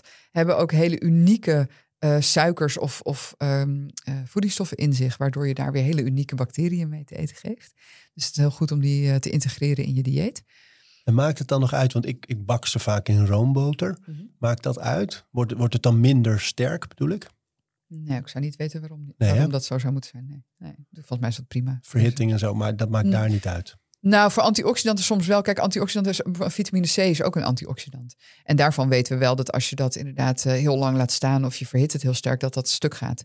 Maar ook daarbij denk ik dan weer, ja, liever dat je het een beetje verhit en dan wel eet, dan dat je het helemaal niet eet, snap je? Eh, als, als je denkt, ja, ik vind het rauw heel vies of ik kan het rauw niet eten, nou, dan verhit het alsjeblieft en eet het alsnog. En je zei antioxidant, is dat, dat is dan vooral eh, om ontsteking tegen te gaan. Ja. En, maar, maar waar staat het eigenlijk voor? Antioxidant. Ja. Ehm, eh, eh, je hebt een proces in je lichaam dat heet oxidatie. En oxidatie wil zeggen eh, dat er actieve zuurstofdeeltjes, zeg maar, ehm, ja, dat- dat, dat wordt heel chemisch hoor en heel technisch. Ik, moet, hoop ik dat ik het goed zeg. Maar in ieder geval, die kunnen reageren met, ehm, eh, die, die, die hebben eigenlijk een elektron nodig. Eh, dus ze hebben protonen, elektronen. Nou, hier houdt mijn eh, biochemische basiskennis ongeveer op.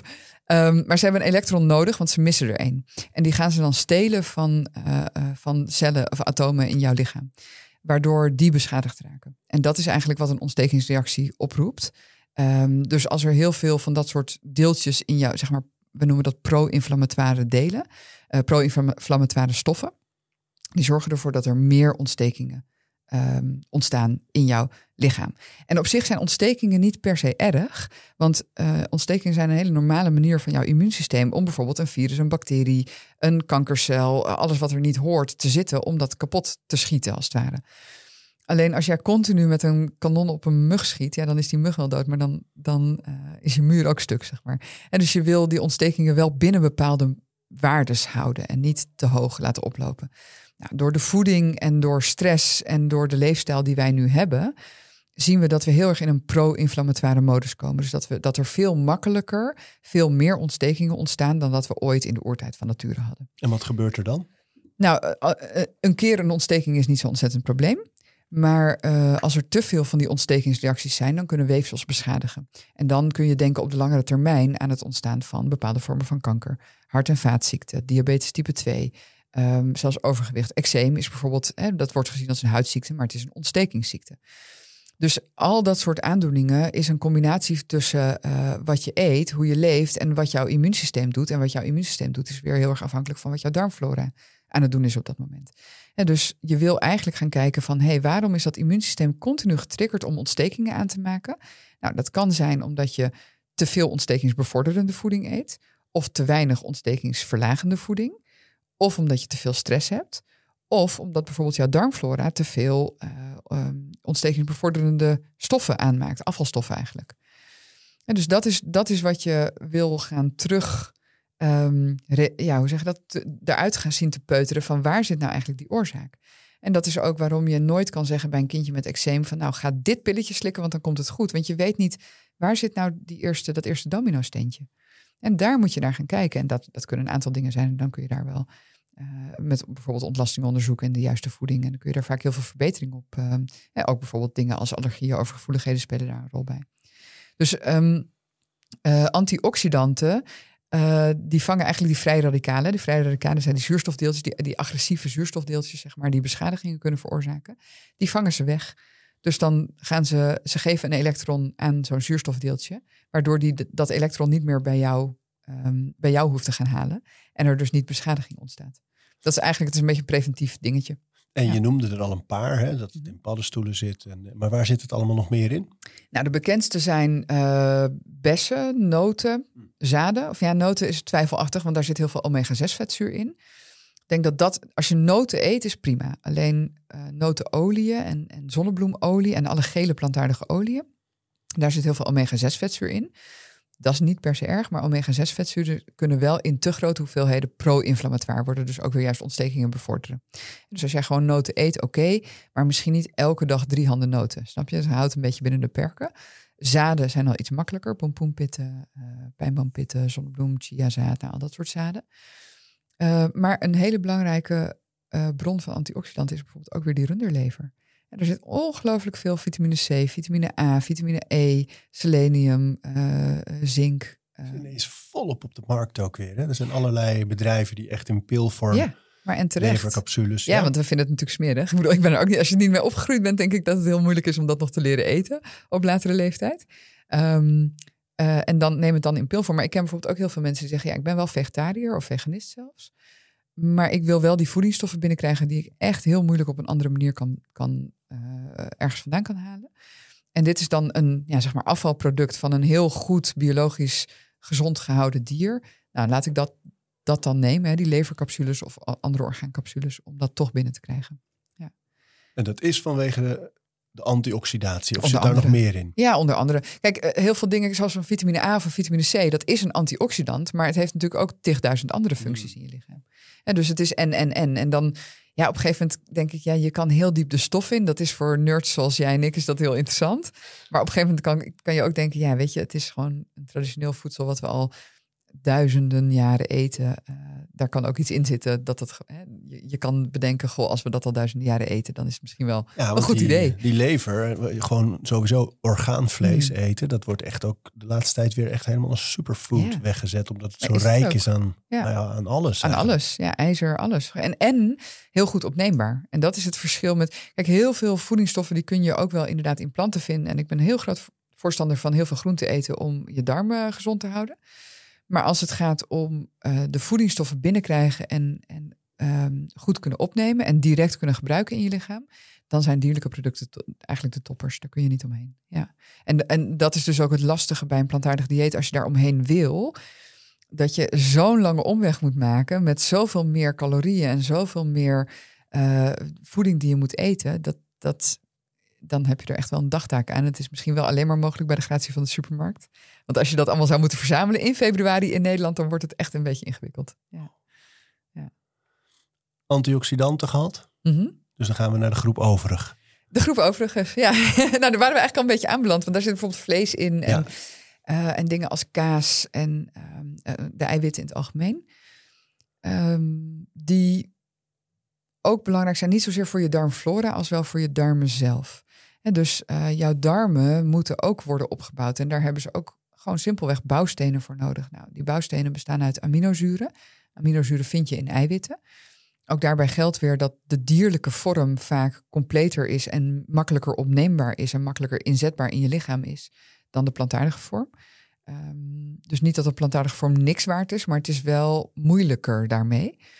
Eh, en daar, daarin is het denk ik heel verstandig om voor eigenlijk nou, toch wel bijna iedereen, om, om toch een klein gedeelte dierlijke voeding ook in je, in je dieet te hebben. En dan wel dus biologisch echt grasgevoerd, eh, dieren die ook weer traditioneel hebben geleefd en hebben gegeten wat zij horen te eten. Ja. En dan zie je dat eh, niet alleen voor je darmen, maar ook voor bijvoorbeeld voor je hersenen, dat die eiwitten en die vetten en die mineralen die daarin zitten echt ja, super belangrijk zijn. En dus ehm, ja, je darmen, ik zei net al, die kun je niet loszien van je hersenen. Dat zijn is eigenlijk één systeem. Hè? Het, is, ja, het zit wel op twee verschillende plekken, maar daar is dan ook echt wel een second brain, hè? Die, Ja. die hele darm. eh, ja, er Boek. zitten, eh, nou, ik raak elke keer in de war, maar er zitten of net iets minder of net iets meer eh eh, ehm, eh, neuronen in en rondom je darm dan in je hersenen en je ruggenmerg. En dat is een heel eigen. eh, dus stel je voor dat je hier zeg maar, bij je nek zou worden doorgesneden, dan ga je wel dood. Maar dan kunnen je darmen in principe gewoon nog doorwerken.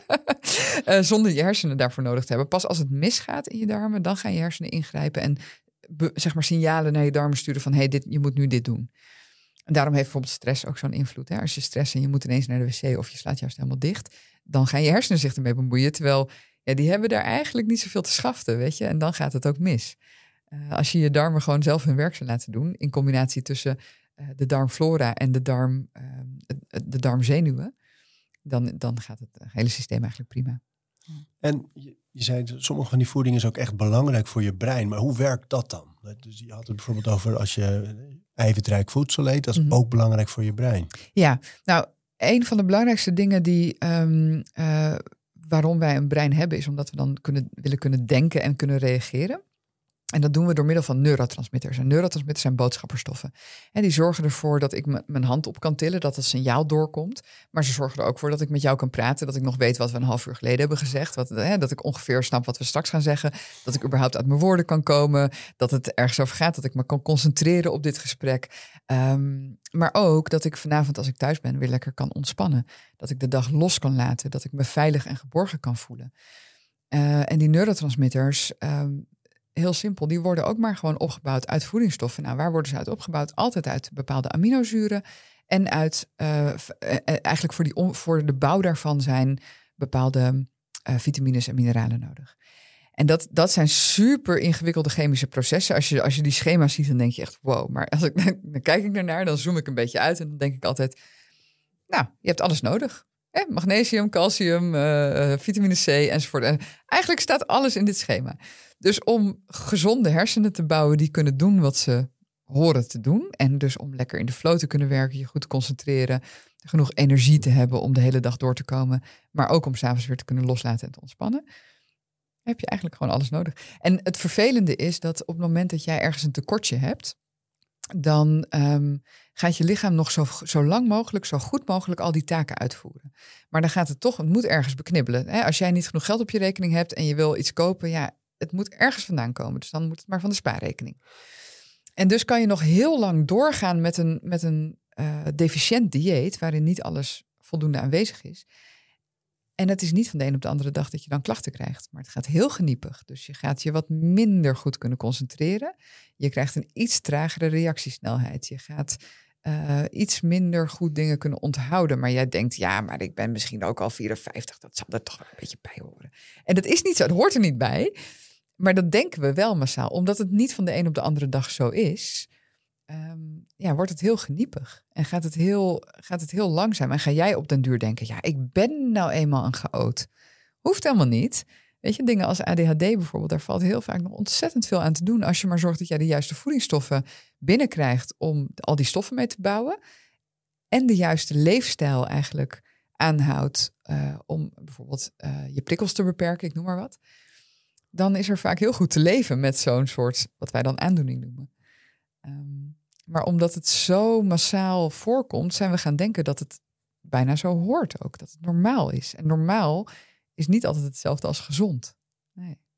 Dus ja, dus je hebt ook die. Ik, ik daal af, maar ook niet genoeg eiwitten. Ja. maar ook, ook, ook uh, die eiwitten. Uh, nou, we hebben hier bijvoorbeeld nu uh, flesjes bouillon op tafel staan. Ja. Hè, dus de, de collageen, um, de gelatine, de bottenbouillon. Um, daar zitten zo vreselijk veel voedingsstoffen in. Waaronder die eiwitten die heel goed opneembaar zijn en goed, goed, gebruik, goed bruikbaar zijn in je lichaam. Um, maar ook uh, belangrijke vetzuren, ook mineralen, ook vitamines. Ja, ook dat is weer een superfood. En dus ik zeg eigenlijk altijd met een ezelsbruggetje dat de plantaardige producten heb je nodig voor je darmgezondheid. Eet vooral heel veel groenten en bonen en zaden en noten enzovoort. En de dierlijke producten heb je nodig voor je hersenwerking, onder andere je zenuwen goed aan te leggen, je ogen goed te laten functioneren. Um, ja, dat andere gedeelte, zeg maar. En nou weet ik dat het afhankelijk is van heel veel andere factoren. Hoe je leeft, hoe je woont, met wie je omgaat, hoe vaak je met je handen in de modder zit. Ja. Maar is er iets te zeggen over wat nou een beetje als richtlijn een dag eten kan zijn om het goed te doen?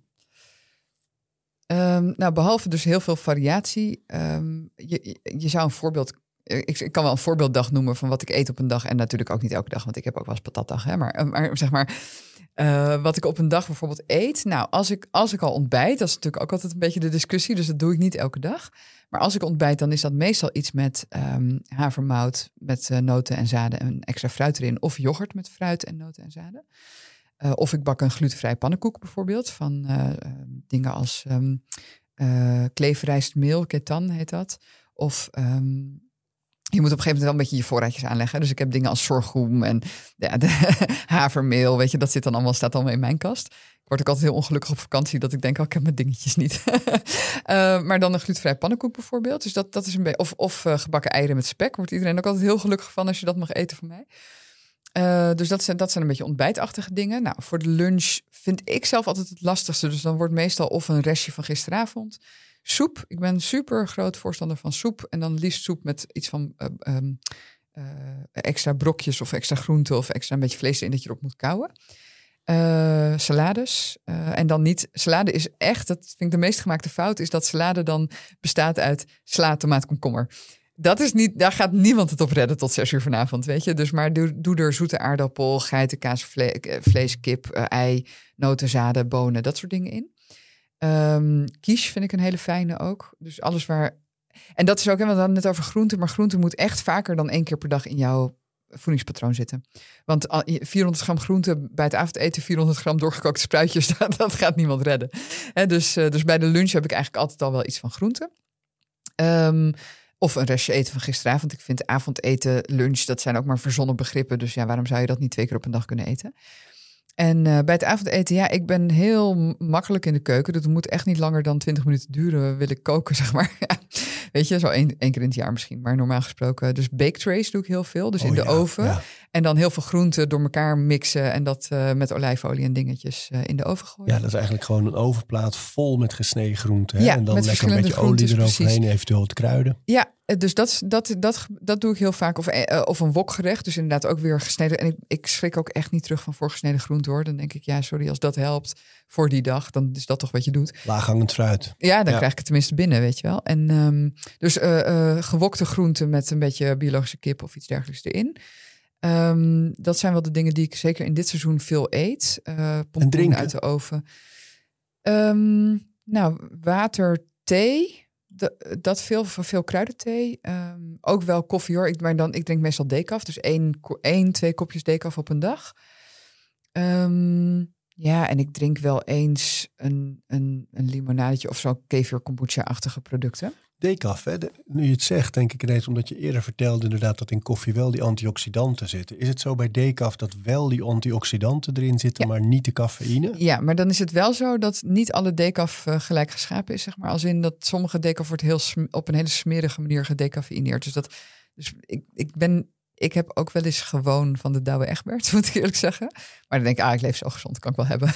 maar, maar eigenlijk zou biologische decaf het beste zijn. En dan zitten wel de antioxidanten erin, maar niet Maar de dit is cafeïne. dus, want ik dacht altijd alleen maar vanwege de cafeïne dat je dan is een decafje. Maar dat is natuurlijk van die antioxidanten, die heb je dan nog wel. Dus dat is best Die wel een pleidooi voor decaf. Ja, maar het blijft decaf. wel dat koffie is nog steeds wel een laxeermiddel. eh laxerende stof. Dus dat is voor, geldt voor decaf net zo. Dus niet te veel daarin. Um, ja, en verder... Uh, dus weet je als, je, als je dit zo bekijkt, dan is zo'n dieet met inderdaad 30 planten per week. Ja, ik lach erom. Dan denk ik, ja, dat is, zo, dat is niet zo moeilijk, 30 planten per week. Die liggen al op die traybag. Ja, daarom, weet je wel. Dus Ja. zo ingewikkeld is het helemaal niet. Uh, en wat ook nog wel belangrijk is, denk ik, om te vermelden, is dat als ik een tussendoortje of een toetje of een iets zoetigs of iets anders eet, of een handje noten, dan probeer ik dat bij de maaltijd te doen. Oh, Dus, mooi. Ja. dus want dat is echt een veelgemaakte fout dat mensen heel erg gaan grazen. Dus inderdaad drie maaltijden op een dag en drie tussendoortjes. Dan moeten je darmen de hele dag aan de slag. En daar worden ze niet blij van. Dus jouw uh, alvleesklier, jouw lever, gal en jouw darmen worden blij van rust. Dus inderdaad liefst maar twee, maar goed, laat het dan drie zijn maaltijden op een dag en niet de hele dag door dat gegraas. En ook dat is voor de feestdagen natuurlijk wel een belangrijke tip. Ik denk dat de reden dat iedereen massaal ontploft uh, tijdens de feestdagen met, met een opgeblazen gevoel, is dat we uh, te veel suiker eten, te veel alcohol drinken en dat we de hele dag door eten. En als je dat niet doet en je zorgt dat er in je maaltijden wel genoeg groenten enzovoort zitten, uh, dan ja, zou ik eigenlijk niet een reden zien waarom je alsnog zou moeten ontploffen tijdens de feestdagen. Dat is uh, de positieve kant, hè? Wat, we zoal moeten eten om die darmen en dat brein goed te houden. Wat zijn nou de, de, de dingen die we echt moeten vermijden, die de darmen niet zo blij maken? Ja. ja, dat is dan het stukje dat mensen mij niet zo aardig meer vinden. Als ik ga vertellen van nou, suiker, alcohol, koffie. um, koffie, daar valt nog een beetje, daar kun je nog een beetje mee smokkelen. Koffie bevat veel antioxidanten bijvoorbeeld. Uh, waarvan ik wel denk, ja, er zijn misschien gezondere bronnen van antioxidanten, zoals frambozen of bosbessen. Uh, of, of, of runderlever. Maar goed, oké, okay, het bevat wel veel antioxidanten vooruit. Maar cafeïne zorgt er wel voor dat je in een staat van stress komt. En stress is per definitie niet gezond voor de darmflora. Uh, we weten dat mensen die veel stress hebben, echt een hele andere darmflora hebben met minder diversiteit, dus minder verschillende soorten bacteriën en minder bacteriën in totaal.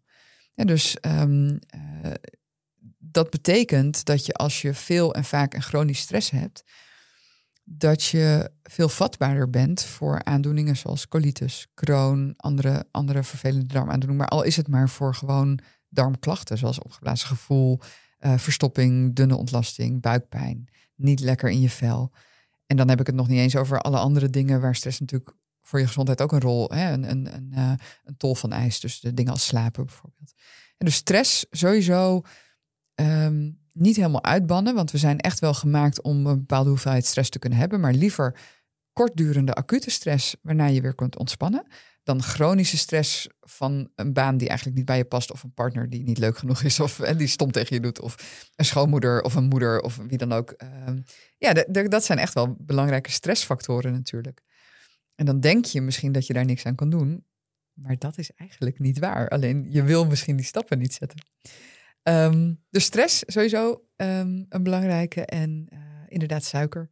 En inderdaad, uh, ik zie jou, ik ben, ben, dan eigenlijk best wel opgelucht dat jij ook een taartje eet. Weet je? Ik zie, zag jou net een taartje eten en ik, oh, gelukkig, maar dat doe ik ook wel eens. Want het is niet zo dat we helemaal uh, extreem, ik denk dat die hele extreme mensen die echt 100% gezond proberen te eten, dan gaat er ook iets anders mis in je hoofd. En dan ga je bijna meer richting de orthorexia. Het is niet de maatschappij waar we in leven. En als jouw lichaam alleen maar kan functioneren als je 100% volgens je eigen plan eet, dan ben je dus niet gezond. Volgens mij moeten we een bepaalde mate van flexibiliteit daarin kunnen hebben. Want uh, als jij zegt, ik moet helemaal zus eten of helemaal zo eten, uh, want anders krijg ik last ergens van. Hmm. Ja, dan, dan, ben je, dan ben je niet genezen van dat wat er aan de hand is. Nee, je weet alleen het vermijden. Ik leun eigenlijk altijd op twee dingen. Dat ik denk zo 80-20 mm -hmm. aanhouden. Van 80% van de tijd ja. hou ik me redelijk ja. strak aan, aan, alles waar we het nu over gehad hebben. 20% dus niet. En, um, en ik denk ook dat er heel veel waarde zit in af en toe echt even genieten. En het liefst ja, samen met anderen. Dat. Van, en bedoel ik niet dat het anderen niet genieten is. Want het mm. levert juist heel veel genot op. Ja. Maar ik bedoel ook van um, niet te streng te zijn op nou, bijvoorbeeld taart. Of, ja. of, of, andere dingen die misschien niet meteen als gezond bestempeld worden. Maar die wel heel lekker zijn. En heel leuk om samen te delen. En ik, daar zit een, een, vorm van geluk. En ook wel een voldoening eigenlijk, die ook heel waardevol is. Die, ja. denk, die, die hoort wel echt bij eten ook. Nou, sterker nog, uh, daarvan is ook aangetoond dat, hè, want we weten dat, volgens mij hebben we het vorige keer ook over gehad, als je ruzie krijgt in een, in een uh, tafelsetting, zeg maar in een restaurant, dan kan oh, ja. je, je hersenen kunnen dan de link gaan leggen van, oh, dit is niet goed voor mijn buik, zeg maar. Terwijl het eigenlijk dan de ruzie is waar het uh, over gaat. Maar andersom is ook aangetoond dat gezellig samen eten, een fijne sfeer, dat dat juist heel veel uh, doet voor onder andere je darmgezondheid. Dus inderdaad, um, daar ontspanning in vinden.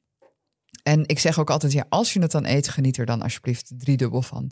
Weet je, want dan, het heeft geen zin om, om, om brownie naar binnen te schuiven, terwijl je jezelf ondertussen op je kop zit te geven van, ach, ah, zit ik alweer die brownie te eten, kom aan. Dan kan je het beter niet doen, weet je. Dan denk ik, ja, dan, uh, maar ja, gezellig samen eten en fijn. En inderdaad, wat je zegt, ik heb nooit het idee dat ik iets mis. Um, maar er zijn wel momenten dat ik ook, weet je, ik heb nu ik heb een nieuwe vriendin en die, komt uit België en daar hebben ze iets dat heet mattetaart. Ik ken het niet, maar dat is een soort uh, zoete kwark met uh, bladerdeeg. Nou, ik mis nooit iets met, met glutenvrij eten behalve bladerdeeg. Dat is gewoon niet lekker te krijgen, glutenvrij. dus ik heb dat gegeten. Ja, er zit natuurlijk gluten in. En dan heb ik het ervoor over dat ik twee dagen niet naar de wc kan. Maar dan denk ik, ja, maar come on. Het was het hele moment en het hele, weet je wel, dat, dat, was, dat was het dan waard. Ja, ja, ja. dat moet soms ook gewoon kunnen. Ja. Maar inderdaad, over het algemeen, um, uh, ik denk ook dat als je zoveel mogelijk suiker uh, weglaat uit je voeding. We weten van die bloedsuikerspiegelpiek, hè, dat als je veel suiker eet, dat, dat, dat als jij heel, um, een, een, hele stabiele bloedsuikerspiegel hebt, dat als je dan een keer wel die taart of dat, dat reepje chocola, weet ik veel wat eet, uh, dat, die, dat die piek helemaal niet zo hoog is ook. Dus, wat dat betreft kan je, kan je heel goed um, ja, daarin reguleren. Um, ja, alcohol, we zitten nu, we komen, gaan toch weer een beetje richting de feestdagen en dat, dat is ook wel een dingetje hoor. Dat alcohol weten we gewoon van. En hoe hoog en hoe laag we ook springen. En hoe graag onderzoekers ook zouden willen dat rode wijn eigenlijk gezond voor je is. alcohol is gewoon niet goed voor ons. En ehm, het is niet goed voor je lever. Je, je geeft echt je lever een, eh, een behoorlijke optater, ook al bij één of twee glaasjes. Ehm, het is niet goed voor je darmen. We weten dat als je één of twee glazen per dag drinkt, dat dat al kan zorgen dat je darmen minder snel gaan uh, werken. En waardoor er bacteriën die eigenlijk in je dikke darm thuis horen, gaan verhuizen naar je dunne darm. En daar allerlei ellende gaan veroorzaken, zoals opgeblazen gevoel, uh, winderigheid, uh, vervelend buikpijn. Um, ja, en, en het, trekt, het onttrekt voedingsstoffen aan je lichaam. Dus het is, het is echt niet iets wat je heel regelmatig zou willen doen. En dan denk ik, ja, waarom... Maar goed, ik drink niet, hè, dus ik ben, ik ben daar misschien een beetje. je weet dat we deze aflevering nu zo net, net voor december. Mm -hmm. ja, en dan denk ik, ja, dan als je ook daarin geldt dan weer, als het lukt om te zeggen, nou dan ga ik door de week niet drinken. En dan niet in het weekend helemaal los, maar dan in het weekend twee of drie glaasjes, zeg maar dan denk ik, nou, zwa, weet je, dat kan nog. Maar, maar als het een periode wordt waarin toch elke dag een wijntje opengetrokken wordt, of ik denk ook dat je dan echt iets te doen hebt. Want het, uh, de term alcoholisme kan eigenlijk al veel eerder opgeplakt worden dan dat wij met z'n allen willen weten. Dus echt al bij één of twee glazen per dag, maar dan elke dag, zeg maar, of zes dagen in de week, geloof ik, dan heb je al een probleem. En dan denk ik ook, als jij alcohol echt nodig hebt om te kunnen ontspannen, dan heb je echt iets anders te doen in je leven dan moet je echt op een andere manier naar je leven gaan kijken. En misschien wel die beslissingen nemen die je eigenlijk niet wil nemen. Andere baan, andere partner, eh, andere schoonmoeder. ja, of, of wat er dan ook veranderd moet worden. Want, eh, want als jij, hè, dat is dan wat er gezegd wordt, je hebt minder hart- of vaatziekten als je bij, bij moderate, bij matig alcoholgebruik. Maar dat komt door die ontspanning. Ja, die ontspanning die moet je gewoon vinden omdat je leven niet druk is, zeg maar. En omdat je op de yogamat ligt en omdat je gaat sporten en daarna gaat ontspannen. Maar niet vanuit die alcohol diep verankerd. Hè? We vieren ermee, we rouwen ermee. Ja. ja. Ontmoeten ermee. Ja, ja en, en het is denk ik ook heel erg een, een mindset ding. Van waarom als je zegt iets lekkers. Hè, vroeger voor de kinderen. Ik weet nog toen mijn kinderen klein waren. Die avondvierdaagse. En dan aan het einde. Eh, lopen jouw kinderen al avondvierdaagse? Nog niet, nog niet. Nou, maak je borst maar nat. En de laatste dag, dan worden ze letterlijk behangen met zakken snoep en zo. Dat ik denk, die, de avondvierdaagse is toch Onder andere omdat, ze, omdat het gezond is om te bewegen. En dan zakken snoep en dingen. En als je zegt iets lekkers, dan is het eigenlijk inderdaad altijd. Dan gaat je gedachte gelijk naar iets met suiker of iets heel sterk bewerkt. Uh, terwijl toen in mijn kinderen avondvierdaagse liepen, dan gaf ik ze zo'n grote puntzak, maar dan vol met van dat luxe fruit, wat je normaal niet, oh, uh, weet je wel, boosjes en ja. En, en al die kinderen die zwermden eromheen, die wilden allemaal dat fruit. Weet je, op kinderfeestjes net zo. Uh, ik zorgde echt wel dat er wat chippies waren, weet je wel. Maar uiteindelijk um, stond die tafel ook vol met um, uh, komkommertjes, tomaatjes, uh, worteltjes. En die waren altijd als eerste op. Dus het is ook een soort van... Conditionering. Ja. Ja, ja, ja. Ja, en, en die helemaal niet eens altijd klopt. Oh, dat lust mijn kind niet. Nee, als je hem vanaf zes maanden lange vingers geeft, niet nee. Maar als je hem, ja, weet je, dus langzamerhand gewoon gaat voeren... Um, wat wel goed is, kinderen zijn veel flexibeler dan je ja, denkt. Ja man, dat merk ik echt als, als, als wij, uh, nou bijvoorbeeld boerenkool. De allereerste keer, dat ging echt niet. Nee. Weet je? Die frutsels erin allemaal. Nee. En, uh, maar de tweede keer, derde keer, oké, okay, we hebben de afspraak dat ze altijd proeven. Dan hoeven ze niks ja. op te eten, maar altijd proeven. En uh, nou, tweede keer, derde keer, vierde keer, nu eten ze het gewoon. Weet je? Het is toch gewoon een beetje wennen. En ik vind wel dat je ook wel goed moet kijken van mijn zoon bijvoorbeeld is dol op frambozen en, uh, en blauwe bessen, maar die vindt uh, banaan minder lekker. Nou ja, weet je, dan leg ik oh, op zijn bord wat meer van, de, van die ja, andere dingen. Precies. Zo kijk ik er wel naar, maar ik vind wel altijd dat ze alles moeten proberen en ja. ook echt wel een beetje moeten wennen aan al die verschillende smaken. Ja. En, uh, ja, ik niet heb... vanzelfsprekend lekker is snoep. Nee, precies, dat sowieso. En, en ik heb in mijn boek bijvoorbeeld het, het, idee van de avontuurlijke etersclub, weet je, dat je ze gewoon kan, maak je ze gewoon lid van een club die niet bestaat, maar goed, weet zij niet. Maar voor jezelf ook. Ik ken echt wel veel volwassenen die ook zoiets hebben van, nee, dat wil ik niet proeven. Of, en dan denk ik, ja, come on, weet je wel, ben je nou... Zet de grote vet. Ja. Ja. ja, maar inderdaad, try everything once more if you like it. Ja, en met name kinderen zijn heel uh, bereid om te doen wat jij van ze verwacht. Maar ook wat je niet vertelt wat je van ze verwacht, maar wat je. Hè, dus wij hebben bijvoorbeeld wel eens dat uh, we behandelen ook kinderen in de, in de praktijk. En die moeten dan wel eens pilletjes of poedertjes of drankjes die echt smerig zijn. Maar dan zeg ik altijd tegen die ouders: niet proeven. Want kinderen, niet zelf proeven. Want kinderen hebben een hele andere beleving van vies dan wij. Dus geef het ze maar gewoon. En kijk maar, maak er een of ander heksendrankje van, weet je wel. Verzin er iets leuks mee. En 9 van de 10 keer gaat het gewoon naar binnen. Is het helemaal geen probleem. Maar als jij als ouder proeft en denkt: oh, dat gaat hij nooit doen. Dan gaat hij het ook echt niet doen. Dus er zit zoveel mindset op. Maar inderdaad, voor volwassenen ook. Ja, weet je. ehm, iets meer avontuurlijk eten. ehm, is, is behalve voor, voor ehm, je hersenflexibiliteit, zeg maar, is het ook voor je, voor je diversiteit van je darmflora is het gewoon super belangrijk. Ja. Dus misschien moeten we toch weer aan de lever dan, Arie. Kijk, Moet ik natuurlijk wel de daad bij het woord. Ik, ik ben ook niet zo van de lever. Maar ja, ik heb wel die supplementen. Ja. Het zijn Ja. gewoon eigenlijk eh, eh, capsules met Ja. lever erin. Ja. Ja.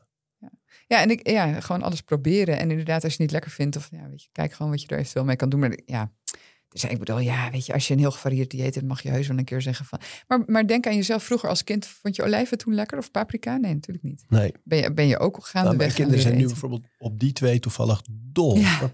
Precies waarom diezelfde reden. Gewoon vaak proberen en dan Ja. op een gegeven moment is het er gewoon. Nou ja, en er zijn ook kinderen die, die, die een rauwe ui eten alsof het een appel is. Ja. Bedoel, je, ja, vies is echt een totaal dekbaar begrip. Echt? Ja. Ja. ja. Zijn we nog iets vergeten? Ehm, nou, in, in het kader van, ik denk dat we ook bij de andere podcast al best wel wat hebben besproken van Ja. wat je allemaal niet moet eten. Maar Ja, dus en stress, mensen die nog niet gehoord hebben, dit- daar gingen we echt het hele spijsverteringskanaal langs. Van op het moment dat je, wat gebeurt er allemaal in je mond en in je hoofd. Ja. Op het moment dat je eten ziet, Ja. tot echt alle stappen het door het lichaam ligt, doorlopen zijn en het achter je eruit komt. Daar zijn we echt dat hele ding langs gelopen. Nu hadden we het natuurlijk over van welk soorten voedsel word je, wordt door je darmen echt blij. Welke moet je vermijden. Mhm. En ik dacht, ik wil wel nog even je boek even goed noemen. Want eh, Ja. dat is echt smullen. Je Instagram-account. Het is inmiddels een platform, echt de groene Mm. vrouw. Ja. Ontzettend veel informatie, achtergronden, tips en Mm. tricks. En de boeken staan ook helemaal vol van. Dus als je je darmen wil begrijpen. En dan kan je naar die aflevering luisteren. Maar je kan zeker ook eh, die boeken opzoeken. Ja, de poepdokter voor, voor alle volwassenen. Maar de poepdokter junior, omdat we het Ja, net ook over kinderen, kinderen. hadden. Dus eh, de poepdokter junior gaat echt over de periode rondom zwangerschap, babytijd en kindertijd. Omdat dat de periode is waarin je je darmflora kan opbouwen. mooi. Eh, dus ik denk dat we wat we eigenlijk in nou, een generatie of drie, vier, vijf behoorlijk verpest hebben, dat we dat echt wel binnen één, twee generaties weer kunnen terugbuigen, als het ware. Als we maar weten hoe. En daar gaat de poepdokter junior over. We eindigen hoopvol. Ja, zeker. Ja, met, eh, met nieuwe hoop voor de kinderen. Fijn joh, dank. Dankjewel. Bedankt dat je luisterde. Elke donderdag stuur ik een mailtje met drie leuke tips. Boeken, docu's, artikelen die ik tegenkwam, producten en accounts waar ik zelf veel aan had en waarvan ik denk dat jij ze ook inspirerend vindt. Wil je dat mailtje ook graag ontvangen? Schrijf je dan in op mijn website ariboomsma.nl. Dan stuur ik je voortaan elke donderdag een mailtje met drie leuke tips.